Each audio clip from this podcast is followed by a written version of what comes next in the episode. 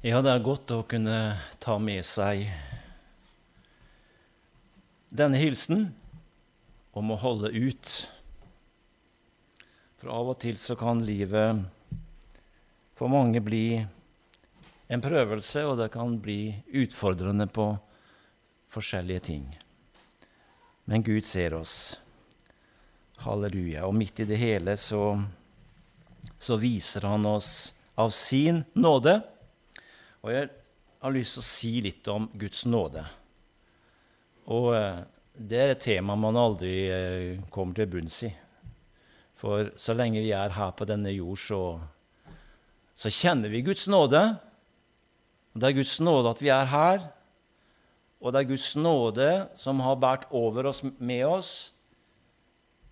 Men vi forstår det ikke helt. For vi vil jo gjerne gjøre oss fortjente ting, og det kommer jeg inn på. Men med Guds nåde så er det annerledes. Eh, I 1. Korinter 15 Det er et langt kapittel. Jeg skal ikke lese 58 vers, det skal jeg ikke. Eh, men ifra vers 3, 1. Korinter 15, 3, og til og med vers 10 bare for å få med litt sammenhengen i, i dette. Første kor 15 fra vers 3 i Jesu navn. For jeg overgav dere blant de første ting som jeg selv mottok, at Kristus døde for våre synder etter Skriftene, og at han ble begravet, og at han oppsto på den tredje dag etter Skriftene, og at han ble sett av Kefas, deretter av de tolv, Deretter ble han sett av mer enn 500 brødre på én gang. Av dem lever de fleste ennå, men noen er sovnet inn.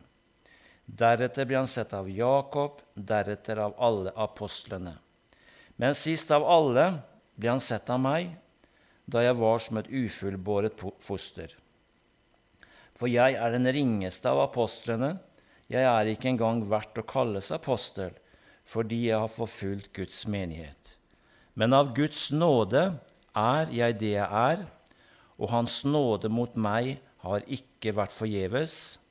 Men jeg har arbeidet mer enn de alle, det vil si ikke jeg, men Guds nåde som er med meg.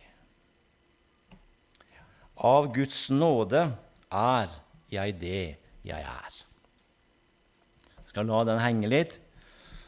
Dette kapitlet her, det handler om om Kristi oppstandelse. Jesus døde, og han sto opp. Og Han tar for seg et tankeeksperiment litt lenger ut i kapitlet her om hva som har skjedd hvis Kristus ikke sto opp fra de døde. Da hadde alt vært forgjeves. Og da har alt vært forgjeves for oss. Da har vi ennå levd i våre synder og vært langt borte fra Gud. Men nå er Kristus oppstått, sier Paulus. Halleluja. Jesus er oppstått. Og da handler det også om vår oppstandelse. Halleluja. Vi er også blant de som skal stå opp igjen en dag, men vi har fått et liv her inne vi som før var døde, vi er blitt levende. Halleluja. Men det ligger en oppstandelseskraft i oss fordi at vi har Guds ånd i oss. Halleluja. Vi har Guds ånd i oss, og i oss ligger den oppstandelseskraften. Og Paulus sier så jeg kan få kjenne ham og kraften av hans oppstandelse. Så du bærer med deg oppstandelseskraften i din ånd fordi at du er frelst, du er født på nytt. Halleluja.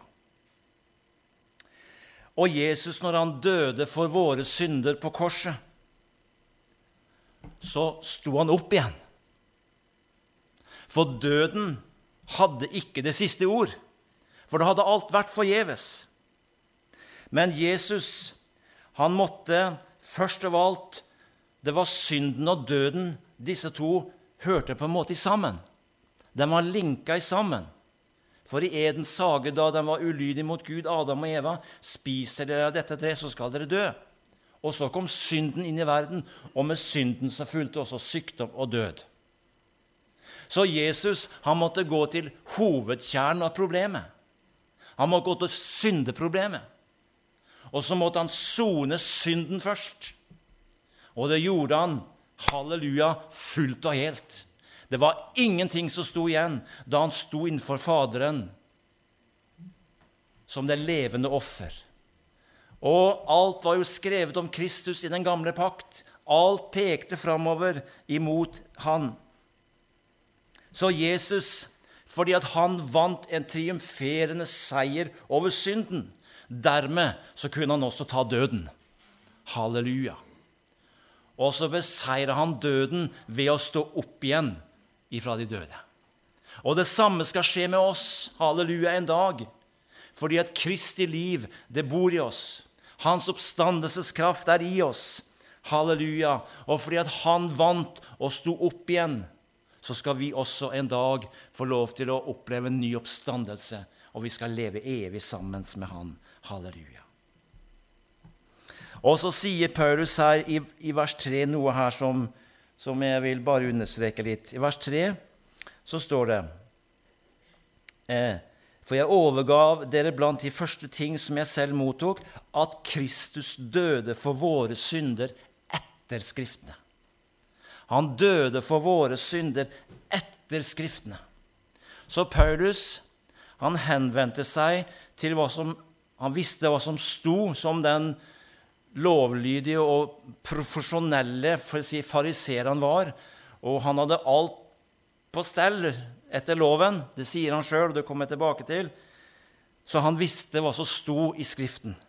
Men nå hadde han fått et lys over ordet. Han hadde fått et lys over det ved Den hellige ånd, så han fikk sette det i den rette kontekst. Halleluja. Og så er det da henvist i dette kapitlet til Jesaja 53, 4 og 5, at Kristus døde for våre synder etter Skriftene. Og her beskriver Jesaja dramaet som, som, som, skjer på Golgata, fra vers 1 og utover. Så Det er akkurat som Esaias han er til stede ved korset. Han er til stede ved Golgata. Så Jesus døde for våre synder etter Skriftene. Vers 4 og 5. Sannelig, våre sykdommer tok han på seg, våre smerter bar han. Vi trodde han var blitt rammet, slått av Gud og plaget men han ble såret for våre, mine, dine overtredelser, knust for våre misgjerninger. Straffen lå på ham for at vi skulle ha fred, og ved hans sår har vi fått legedom. ikke det sterke ord? Tror vi det? Ja, vi vil tro på det, og la Den hellige ånd få lov til å sette lyset på det, og at vi får kjenne får en åpenbaring over dette, at dette gjelder oss. Og folket de gikk jo og ventet på Messias, at han skulle komme som konge. Og det ville han gjøre. Men de var litt tidlig ute med den tanken, for det var andre ting som måtte skje først. Og det var at Jesus han måtte komme som det lyteløse offerlammet. Det som den gamle pakt talte om, men som de ikke hadde lys over. Men som sagt, profeten han får en åpenbaring om denne lidende tjeneren. For først så måtte han komme som en lidende tjener, før han kunne komme som konge. Men så, vi leste jo det at han døde jo ikke for sine synder. Han hadde ingen synd å dø for. Han hadde ikke synd i seg. Han var syndfri. Men hva leste vi? Men han er såret for våre overtredelser, knust for våre misgjerninger. Straffen lå på ham for at vi skulle gå fri. Og ved hans sår har vi fått legedom. Det er oss i sentrum. Jesus setter oss i sentrum for å fri oss ifra syndefallet, ifra, ifra eh, all, alt det som fulgte med det. Så har Jesus kommet, og han har sonet våre synder. Og det står i Hebreer 9,24.: For Kristus gikk ikke inn i en helligdom som er gjort av menneskehånd, og bare er et bilde av den sanne helligdom. Han gikk inn i selve himmelen. Nå skulle han for vår skyld framfor Guds ansikt. Han sto ikke der for sin egen skyld, men han sto der for vår skyld. Han sto foran Guds ansikt for, for din og min skyld. Vi forstår det ikke med vår tanke, men Den hellige ånd kan åpenbare det for oss, og vi må bare tro det. Er det ikke fantastisk? Det er imot all sunn fornuft. Det var jo vi som skulle vært straffa. Men Jesus tok vår straff, våre synder, våre sykdommer. Og så står det et, annet, et lignende uttrykk etter Skriften i vers 4.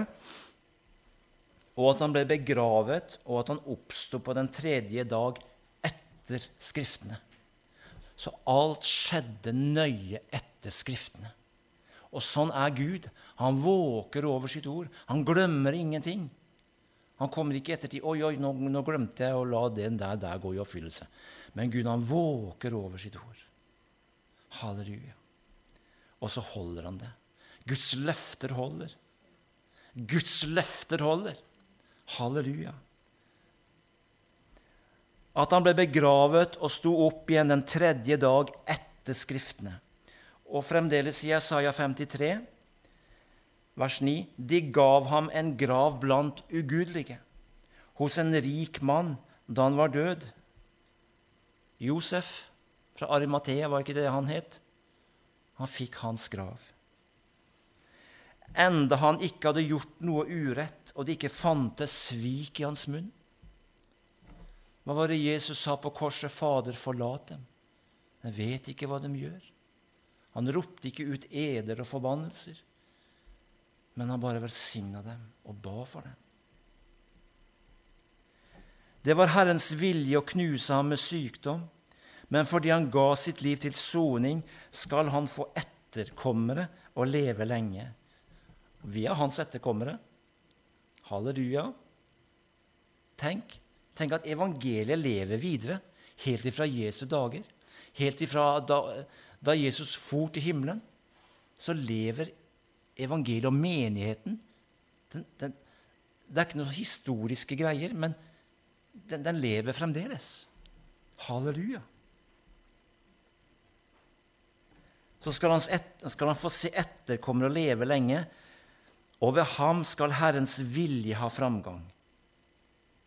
Vers 11.: Etter all sin møye og sjelenød skal han se lys og mettes. Min rettferdige tjener skal gjøre de mange rettferdige når de kjenner ham, for han har båret deres synder. Etter all sin møye og sjelenød skal han se lys og mettes. Kanskje det er her det ligger, oppstandelsen. Men det ligger jo i alle disse ordene at Jesus han sto opp igjen, og han skulle stå opp igjen. Om ikke de skjønte det da, og hvem kunne skjønne det at når en var død, så skulle han stå opp igjen? Men Gud er mektig. Halleluja. Og så reiste han Kristus opp ifra de døde. Halleluja. Og så sto han opp til vår rettferdiggjørelse. Halleluja.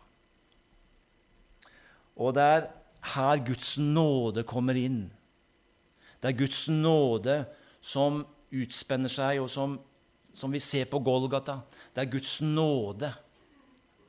Og Guds nåde den møter oss hver dag. Og det er ikke bare det at vi, vi skal ikke gå inn og ut av nåden, men når vi er frelst, så får vi leve i nåden som noe konstant.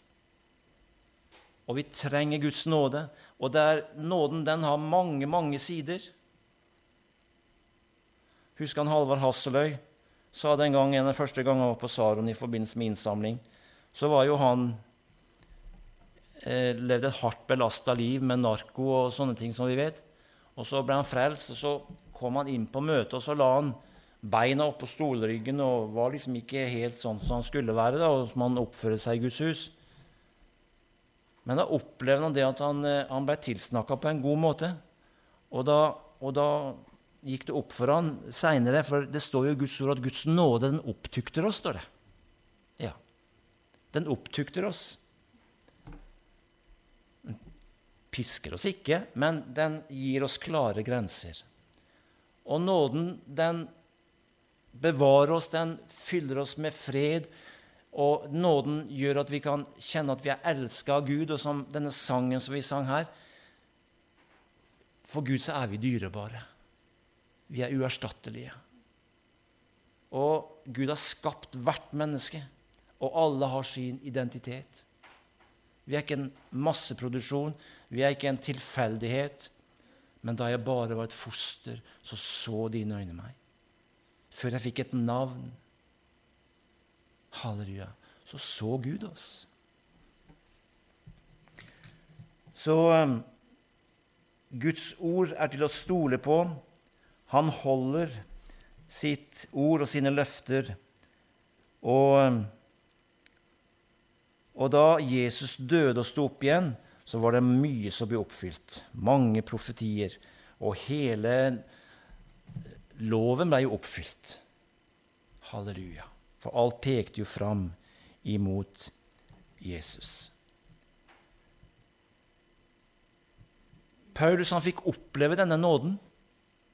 Han fikk oppleve å få lys inn i dette. Hadde vi ikke hatt Paulus, hvem hadde vi da hatt? Det vet jeg ikke, men Gud brukte Paulus. Tenk på all den innsikt. Han var sikkert en, en klok mann, en forstandig mann. Men det vi leser her, og alt det Paulus har skrevet, det er skrevet under Den hellige ånds lys. Det er ikke bare noen har tenkt seg fram til, men det er noe som Gud har gitt ham. Og så oppdager han Guds nåde han oppdager at han som var en forfølger av menigheten, han visste jo ikke hva han gjorde. Jeg håper å si vi kan kalle ham for en ekstremist.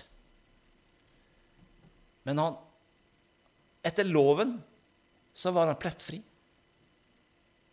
Han var det. I Filipperne 3,4 så sier han jeg har riktignok det jeg kan vise til av menneskelig fortrinn, om noen mener at han kan stole på slikt, kan jeg det enda mer. Jeg er omskåret på den åttende dag, er, av Israels folk, av Benjamins stamme, en hebreer, født av hebreer, en fariseer, i forhold til loven.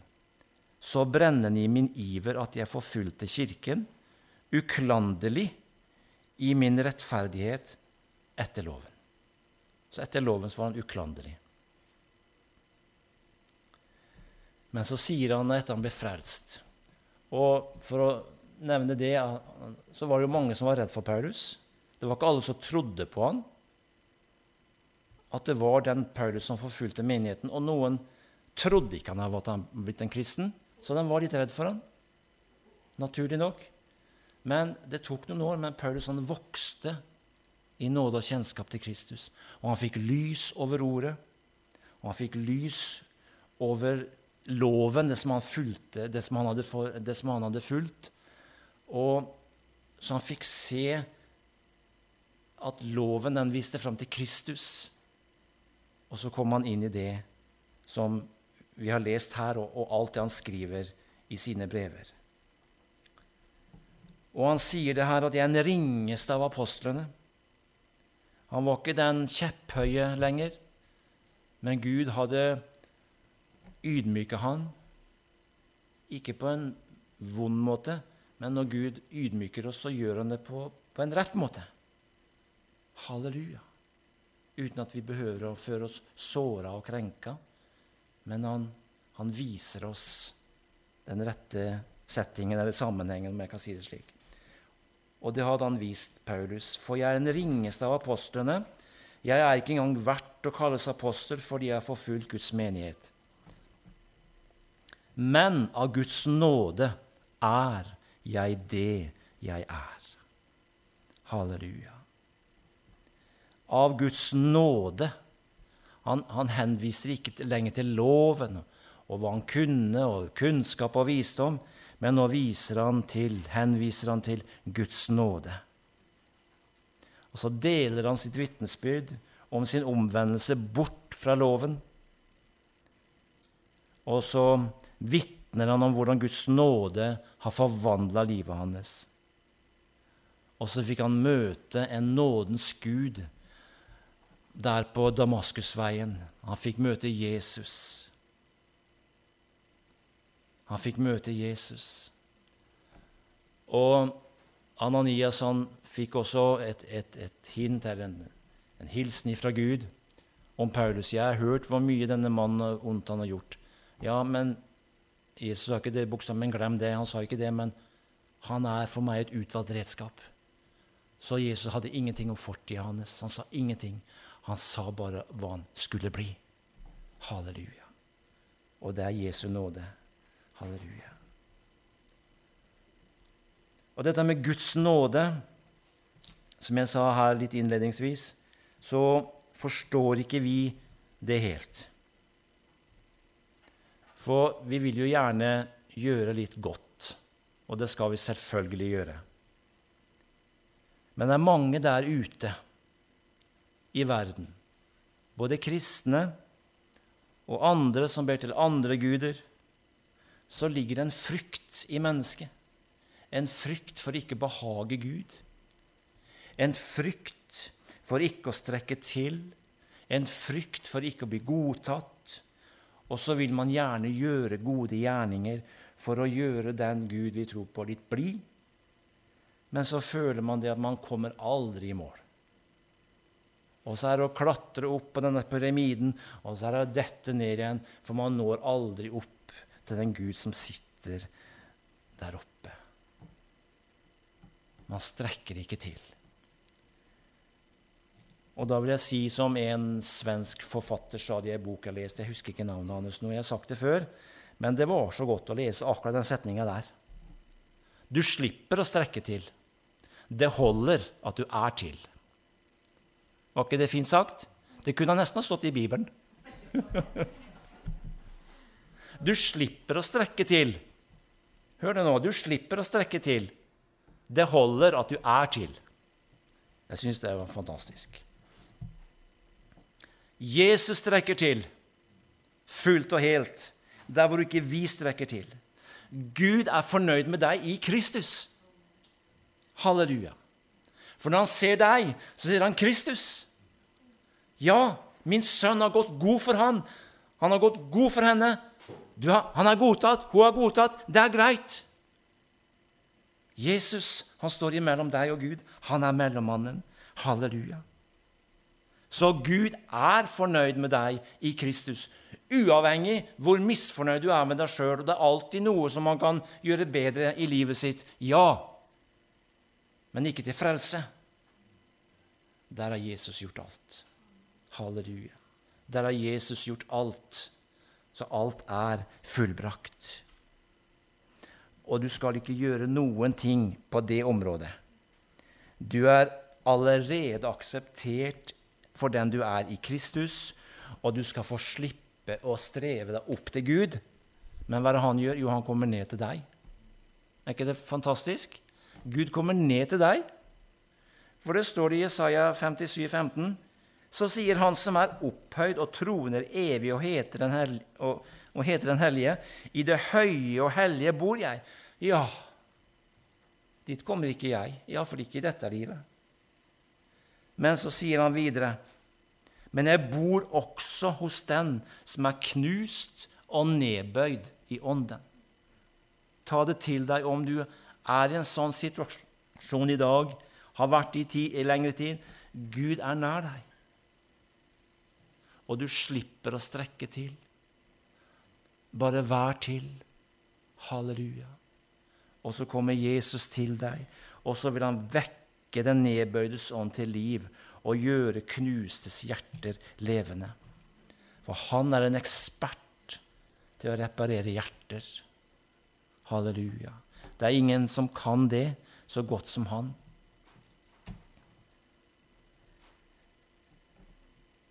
I 2. Korinter 12,9 så står det i forbindelse med Paulus' omvendelse Men han svarte altså Jesus, for Paulus hadde kanskje stilt spørsmål, han også. Men så kommer Jesus med forløsende ord. Min nåde er nok for deg, for kraften fullendes i svakhet. Derfor vil jeg helst rose meg av min svakhet, for at Kristi kraft kan ta bolig i meg. Min nåde er nok for deg. Tygg på det ordet. Her er det noe som er nok, som er tilstrekkelig. Vi behøver ikke gjøre noen ting, for det er ferdig. Det er nok. Min nåde, Jesu nåde, er nok for deg.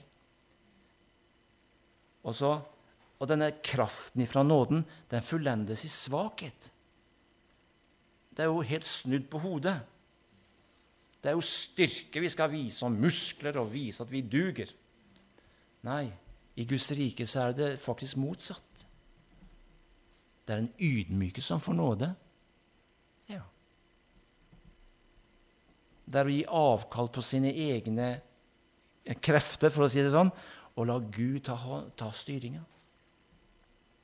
For det var det Jesus gjorde. Han opplevde å bli forlatt, virkelig forlatt av Gud. Og han ropte ut i sin nød, 'Min Gud, min Gud, hvorfor har du forlatt meg?' Så han opplevde virkelig fravær av Gud, sin far, for at vi skulle slippe det. Men så var kontakten igjen oppretta, og så overgav han sin ånd til Gud. Min nåde er deg nok, sa Jesus. Kraften blir fullendt eller kommer til syne i svakhet. Altså når vi erkjenner våre svakheter og tilkortkommenhet, da forløses Guds nåde og Guds kraft inn i våre liv. Dette er ikke fornuftig, men Gud er ikke fornuftig. For om jeg kan si det sånn Gud han er over alle, og han eh, han opererer innenfor andre lover og tankemønstre enn det, enn det vi gjør. Så jeg vil bare si til slutt her nåden strekker til 100% Når ikke du strekker til, så strekker nåden til 100 Men jeg vil jo gjerne si det til slutt, at Skriften oppfordrer oss til å gjøre gode gjerninger. Vi vil jo ikke utelate det. Vi skal være omsorgsfulle. Vi skal ikke leve for oss sjøl. Og det skal vi selvfølgelig gjøre. Men ikke for å få noen poeng hos Gud sånn når det gjelder frelse. Frelsen er av nåde. Men Skriften oppfordrer oss i Hebreerne 10,24.: La oss ha omtanke for hverandre så vi oppgløder hverandre til kjærlighet og gode gjerninger. Efesene 2,10.: For vi er Hans verk, skapt i Kristus Jesus, ikke av gode gjerninger, men vi er skapt til gode gjerninger. Til å gjøre godt for andre, som Gud på forhånd har lagt ferdig for at vi skulle gå inn i dem. Og så står det i Matteus 5,16, som Jesus selv sier:" Slik skal også deres lys skinne for menneskene, så de kan se de gode gjerninger dere gjør, og prise deres Far i himmelen. Nåden, den er fri, den er gratis. Røveren på korset han rakk ikke å gjøre mye godt. Han ba kun om en tanke, men han ble frelst like godt som du og jeg. Halleluja. Det er nåde men gode gjerninger gjort i Kristus mot andre mennesker blir lagt merke til. Ja, du gjør som Jesus, du bøyer deg ned for andre mennesker. Billedlig talt, du vasker andre sine føtter.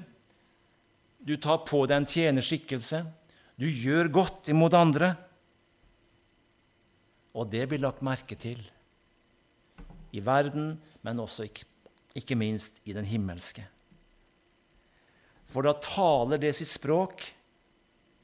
Du vitner om Jesus. Og hva fører det til? Jo, det fører mennesker til Jesu Kristi nåde. Halleluja. Det fører mennesker til Jesu Kristi nåde. Og Den hellige ånd vise dem nåden i Kristus. Å, jeg kan jo bare ta imot. Jeg slipper å gjøre så mye stress og streve for å behage Gud. Jeg kan ta imot. Men det er så enkelt at det er vanskelig for mange. Og av og til så kan man jo stusse litt sjøl også. Er det så enkelt? Ikke engang dåren skal fare vill, leser vi. Så det er så enkelt at vi kan ta imot Guds nåde og leve hver dag i Guds nåde. Men så får vi også lov til å være med og velsigne andre ved å gjøre godt for dem. Det er en veldig god og fin kombinasjon. Så nåden er nok til å leve på.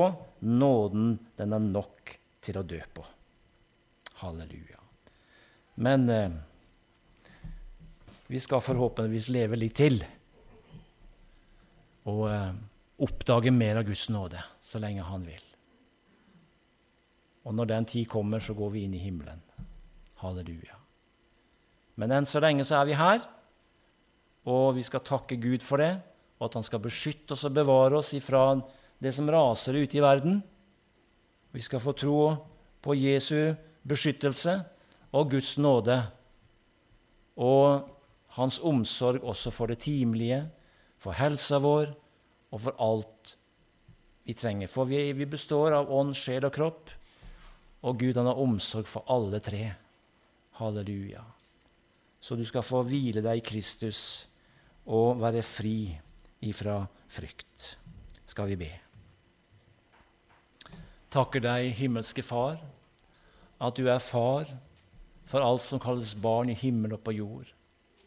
Takker deg, Jesus, at du er vår frelser. Takk at du er vår mellommann. Takk, Hellige Ånd, at du er vår advokat. Du er vår veileder. Du er den som fører oss inn i sannheten av Guds ord og gir åpenbaring.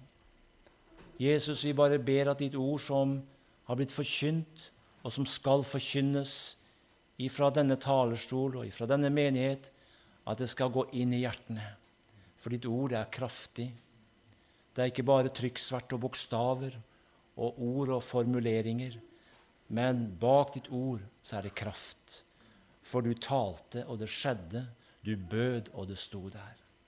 Så la oss få en større eh, inspirasjon for ditt ord, slik at vi får en større tro på ditt ord, og at vi kan få hvile oss i dine løfter. Skal du styrke noen her som kanskje er langt nede, å Jesus, som kanskje sliter. Du vet det, Jesus, men takk at du er nær. Takk at du har omsorg. Å, Jesus, takk at du er at vi er dyrebare for deg, Jesus. Priser deg for det. Velsigne menigheten her. Velsigne virksomheten framover nå, Jesus.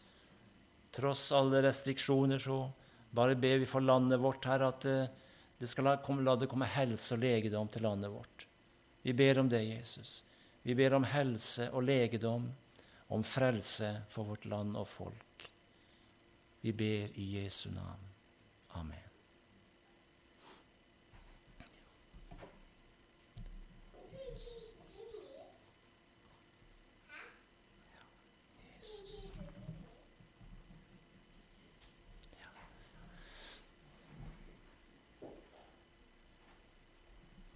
Kan synge en sang til, og så kan du få sitte i benken og og ta imot av Guds ord, og det som har blitt lest, og være innenfor Herren.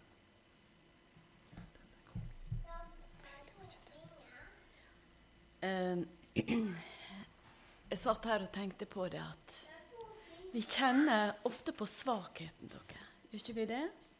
Vi kjenner på tilkortkommenheten. Vi kjenner det at vi, vi strekker ikke til. Men det ble så godt for meg å bli minnet om det som står her i 2. Eh, Korinterne 12 og i det niende verset. Dette som vi har lest så veldig mange ganger, alle sammen. Min nåde er nok for deg og meg. For min kraft Det er snakk om en kraft, dere. Min kraft fullendes i svakhet. Derfor vil jeg helst rose meg av min svakhet. Tenk at Paul kunne si det. Han kunne rose seg av sin svakhet. Hvorfor? Jo, fordi at Kristi kraft kan bo i meg. Vi kan få lov til å ha en iboende kraft i oss som ikke handler om oss sjøle, men det handler om Han.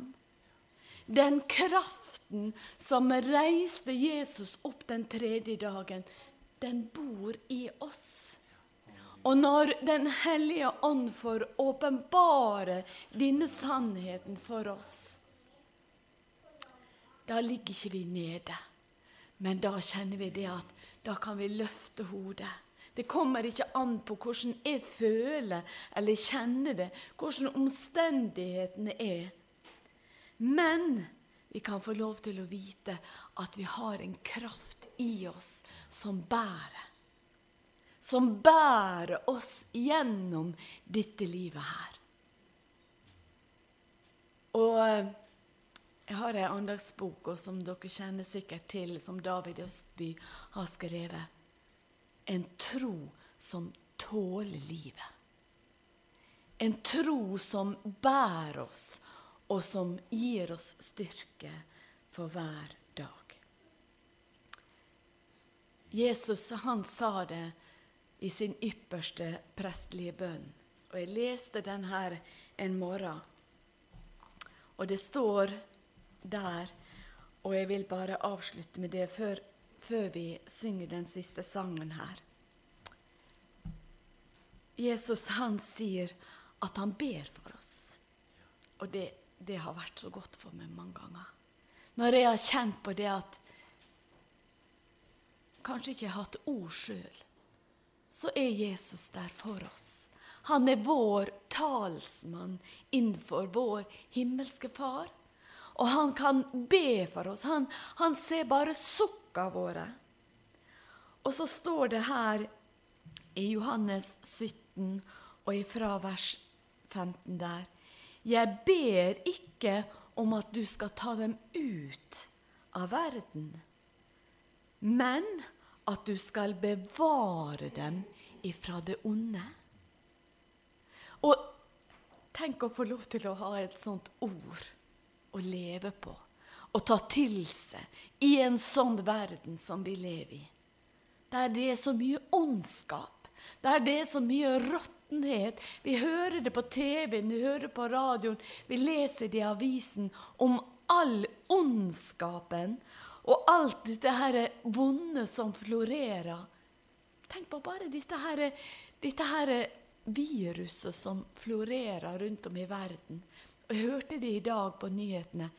I India er det tre millioner som er ramma av covid-19, dette viruset. Tenk at dette her kan ramme en hel verden. Men så sier Jesus her at han vil ikke han, Vi leste her at han ber ikke om at han skal ta oss ut av verden, men han vil be om å bevare oss ifra det onde. Så du og jeg, vi kan få være inneslutta i Guds nåde og i Guds beskyttelse i denne tida som vi lever i. Og da syns jeg det passer bra å synge Gud har omsorg for deg og meg.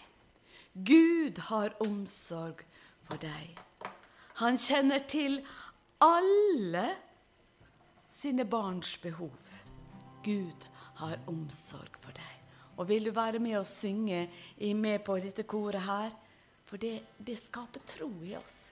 Når, for orda som vi taler, det skaper tro i våre hjerter så lar vi tale ut og synge ut at Gud har omsorg for meg og deg.